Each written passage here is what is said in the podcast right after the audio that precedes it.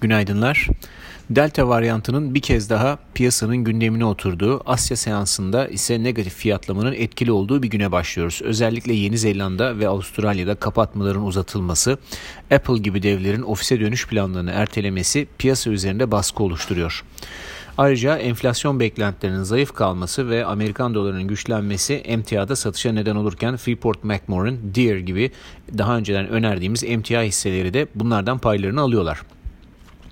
Ayrıca Çin hükümetinin teknoloji hisselerinin kişilerin özel bilgilerini kullanmasında kısıtlama getiriyor olması Alibaba, Pinduoduo, Baidu gibi Çinli teknoloji hisselerinde sert satışlara neden oluyor. Benzer bir hikayede emtia para birimleri olarak bilinen Avustralya doları, Yeni Zelanda doları ve Kanada dolarında söz konusu.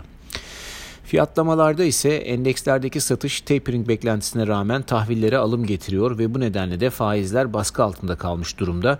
Endekslerdeki satış riski ise henüz bitmiş gibi gözükmüyor. Ancak yine de geçtiğimiz haftalarda endeksin yükselişinde önde giden IT ve emlak hisselerinde dün alıcı gelmesi olumlu karşılanmalı.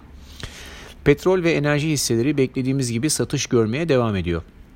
Şimdilik acele etmeden satışın sonlanmasını bekliyoruz. Ancak daha sonrasında petrolde ve enerji hisselerinde long olmak gerektiğini düşünüyoruz.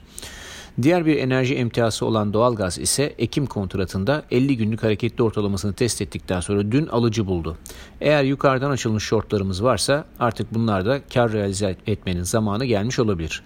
Olur da 50 günlük hareketli ortalamanın altına kayacak olursa yeniden short taraftan pozisyonlanma denenebilir. Benzer şekilde Bakır da dün 200 e, günlük hareketli ortalamasından alıcı buldu. Hatırlarınızda dün 402 sentteki bu ortalamayı test edebileceğini ve buradan git gel yapabileceğini konuşmuştuk. Arzu edenler bu seviyenin altını kırmadıkça kısa marjlar için al sat denemeleri yapabilirler. Burada bir miktar volatilite olacak gibi gözüküyor. Bugün piyasa haftanın önceki günleri kadar sert olmayabilir. Dolayısıyla al sat için imkan olacak gibi gözükür. E, kıymetli maden kompleksinde hala topluca bir yükseliş beklentisi taşımıyoruz. Ancak son günlerde piyasadaki aşırı hareketliliğin ardından bugün kıymetli maden kompleksinde alış görebiliriz. Tabi yine gün için marj, işlem marjlarında kalmak kaydıyla. Bu anlamda son günlerde aşırı düşen ve teknik olarak e, uygun yerlere gelen paladyum daha düşük e, fiyattan giriş imkanı verebilir.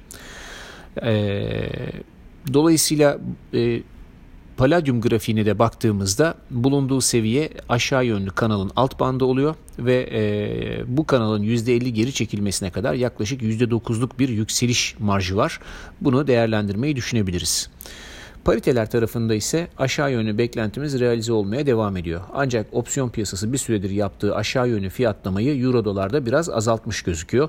Bu nedenle birkaç gündür gelen satışların ardından bugün euro dolarda e, ufak alımlar görebiliriz. Benzer şekilde de dolar endeksinde geri çekilme olma ihtimali artmış durumda. Bugünlük bu kadar. Herkese iyi seanslar, iyi hafta sonları.